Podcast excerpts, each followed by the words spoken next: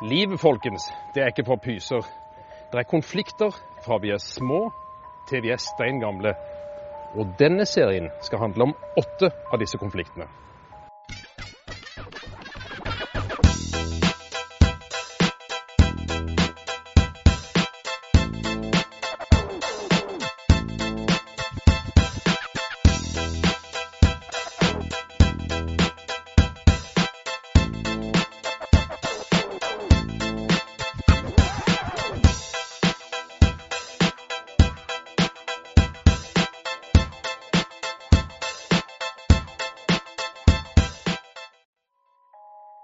Det kan gå fryktelig galt hvis man som barn blir slått, mishandla eller oversett. For det handler om evnen til å bygge tillit. Og dette programmet skal handle om mistillit og tillit. Jeg har egentlig følt meg veldig ofte utilpass eh, på skolen. For eh, jeg gikk for det meste alene.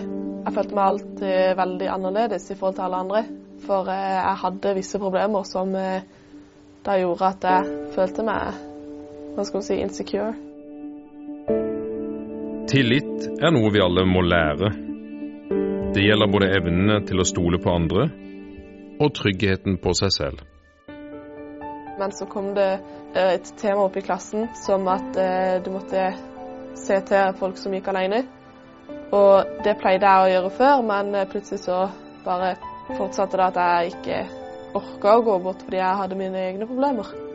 Men uh, i etterkant så skjønte jeg at det var en klem som hjalp. Trygghet er et biologisk behov. Uh, altså det ligger i oss, som det gjør hos alle pattedyr. Det betyr at vi trenger at noen er der. Både fysisk og mentalt for å ta seg av oss. Og selvfølgelig mest avgjørende i de aller første årene. 16 år gamle Thea har tenkt mye på trygghet og utrygghet. For henne har musikken blitt viktig for balansen. Det har egentlig starta siden jeg var liten, for jeg pleide alltid å se på nyttårskonserten med min mor. Og så ser jeg alltid den tverrfløyta eh, som er der. Og jeg vet ikke hva som skjedde, men plutselig sier jeg bare når jeg ser på skjermen at når den tverrfløyta kommer opp, sånn skal jeg spille når jeg blir ti år. Og jeg har bestemt meg for det, så Og jeg har en ganske musikalsk familie, så musikk har alltid vært en del av meg, og det har roa meg ned ganske ofte. Jeg er psykiater, som betyr at jeg bruker mye tid på å sitte i to stoler og snakke med mennesker. Jeg hadde ikke hatt et sånt yrke hvis jeg ikke hadde trodd at man kunne reparere uh, tidlige mangler, tidligere skader. Og at folk har fått for mye av noe dårlig eller fått for lite av noe bra. Uh, vi får nye erfaringer hele tiden, og det å endre seg og få en tryggere helse handler veldig mye om å lære. Vi lærer av nye erfaringer. Folk er stort sett positive til oss, og så tør vi etter hvert å ta det inn. I have this suitcase loaded with masks, one for each day and one for each task. Now I leave it, leave it behind. The face that you see is really mine. Jeg vil si at jeg hadde ganske mange forskjellige måter på å uttrykke meg på, eh, eller være annerledes i forskjellige sammenhenger. Som at jeg nesten var en falsk person. Som at jeg hadde veldig mange masker til hver situasjon.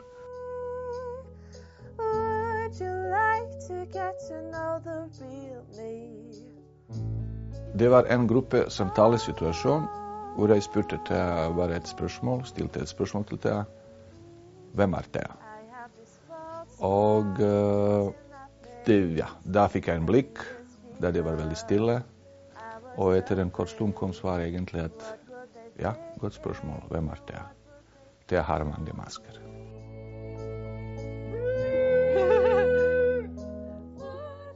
Musikkterapi er bruk av musikk til å gi mennesker nye handlemuligheter. Det er en kreativ prosess. Da selvfølgelig kommer emosjoner fram. Mens musikken er blitt viktig for Thea, har andre funnet helt forskjellige måter å lære trygghet og tillit på. Noen reiser på kickoff. Det er sommerleirer for ungdom med interesse for psykisk helse.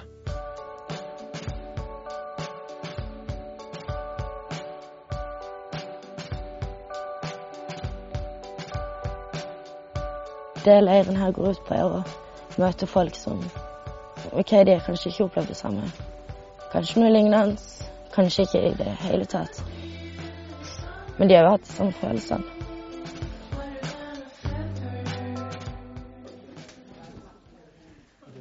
Anne Mai, vil du fortelle litt dine følelser første gang du meldte deg på en kickoff-leir? Første gang jeg skulle på leir, da skulle egentlig broren min òg være med. Sånn at da var det helt greit. Men så fant broren min ut at han skulle finne på noe med en kompis i stedet, så da var jeg helt alene. Okay. Så jeg hadde ikke lyst til å gå i det hele tatt. Jeg eh, ble tvungen. Og hele bilturen opp så grein jeg. Og jeg måtte bli fulgt inn. Og hun fikk ikke lov til å gå før jeg selv var greit. Ja. Første året jeg snakka nesten aldri. Ikke noe i det hele tatt. Nå står jeg foran folk uten problemer og sier akkurat det jeg er komfortabel med. Så da når du grein, hvilke følelser var det du kjente da? Jeg var livredd. Livredd, ja. Mm. Jeg var så redd at jeg var redd for at alt skulle gå galt. Sånn skikkelig katastrofetanker. Mm. Hvor kjente du på en måte i kroppen din når du var livredd? Jeg kaldsvetta, jeg skalv. Jeg visste ikke helt hva jeg skulle gjøre av meg.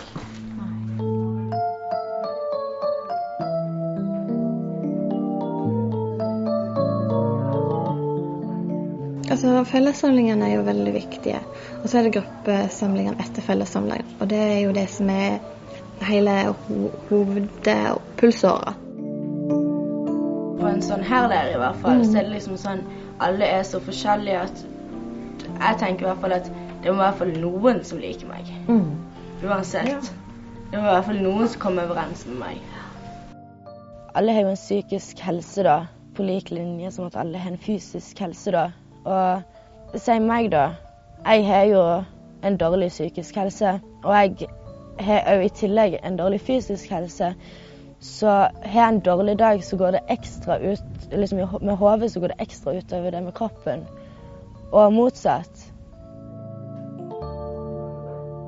Alle har en psykisk helse. Vi kan ikke kløve mennesket i kropp og sinn. Vi er alltid både kropp og sinn, men av og til så kjennes det mest som sinn. Andre ganger kjennes det mest som kropp. Men uh, psykisk helse er kanskje noe vi blir mest opptatt av når vi ikke har den, når det er psykisk uhelse. Jeg fant ut at jeg hadde en dårlig psykisk helse når jeg havna i rullestol pga. ryggen. Da slutta hodet mitt å fungere. Da slo det ordentlig ut. Og da, det var da jeg så at alle har en psykisk helse, for jeg trodde jeg var frisk. Men jeg var jo selvfølgelig ikke det, da. det har skjedd en enorm revolusjon innenfor psykologien. Fordi psykologi er ikke bare det som handler om følelser og relasjoner og sånn. Det handler også om elektriske spenninger og nevroner og hormoner og slike ting. Vi skal møte evolusjonsbiolog Bjørn Grinde. Han har forska på menneskehjernen fra steinalderen og fram til i dag.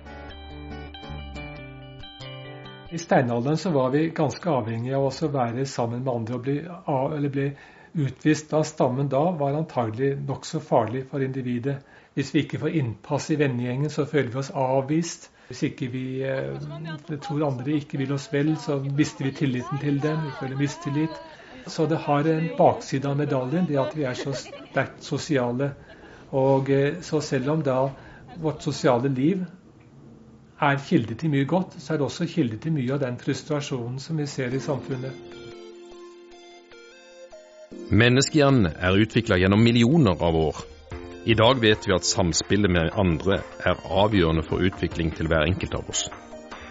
Marianne Flakk er nevropsykolog. Hun mener at hjernen må trenes, akkurat som andre deler av kroppen må trenes. Treffer andre hjerner, og det er veldig lurt. Og da selvfølgelig ikke bare hjernen deres, men hele kroppen. Men nettopp de der interaksjon mellom hjerner, for de som er så interessant òg med både barnealder og ungdomsalder igjen, er at den hjernen utvikler seg i kontakt med omgivelsene, i de folka en treffer, i de erfaringene en møter. Så det er ikke tilfeldig. Hjernen utvikler seg ikke i et vakuum, men det er alltid i et samarbeid med andre mennesker.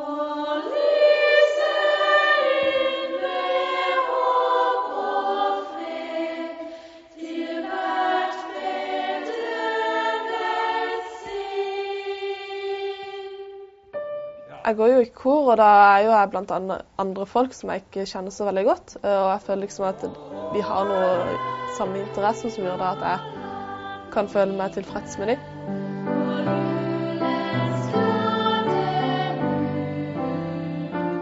Eh, og da har vi også noe til felles. Vi har alltid den ene kjerna som funker.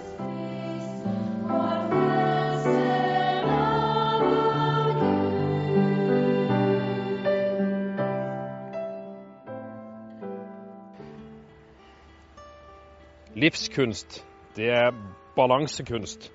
Og grunnlaget for balansekunst er jo tillit. Og har man tillit, så kan man balansere. Tillit skapes tidlig i livet. Veldig tidlig. Går det an å ha for mye tillit? Tja, det går an å være så tillitsfull at man er naiv, og kan risikere å bli overkjørt av andre. Sunn skepsis, derimot, det er jo sikkert bra. Og det trenger vi alle. Men for mye skepsis opp mot mistro og mistillit, det er jo ikke bra. Og da legger man grunnlaget for et svært komplisert liv. Det har jo også litt med å være trygg på seg sjøl òg, eh, når det kommer til forskjellige situasjoner. Eh, men eh, det har også noe med andre folk òg, som f.eks. hvis du er på skolen, slik at du tør å få deg noen venner. Og når du har oppnådd vennskap, så, så har du en trygghet der. Nå har jeg veldig mange venner, så det syns jeg er veldig bra. Det er et evig spørsmål om hvor mye betydning barndommen har for vår psykiske helse. Og jeg tror vi både skal si at ja, selvfølgelig har det betydning. Vi må ikke overdrive. Man er ikke dømt fordi om man har hatt en litt skjev start. Eh, det er mye som kan repareres, og det er veldig viktig å være opptatt av at mye kan repareres.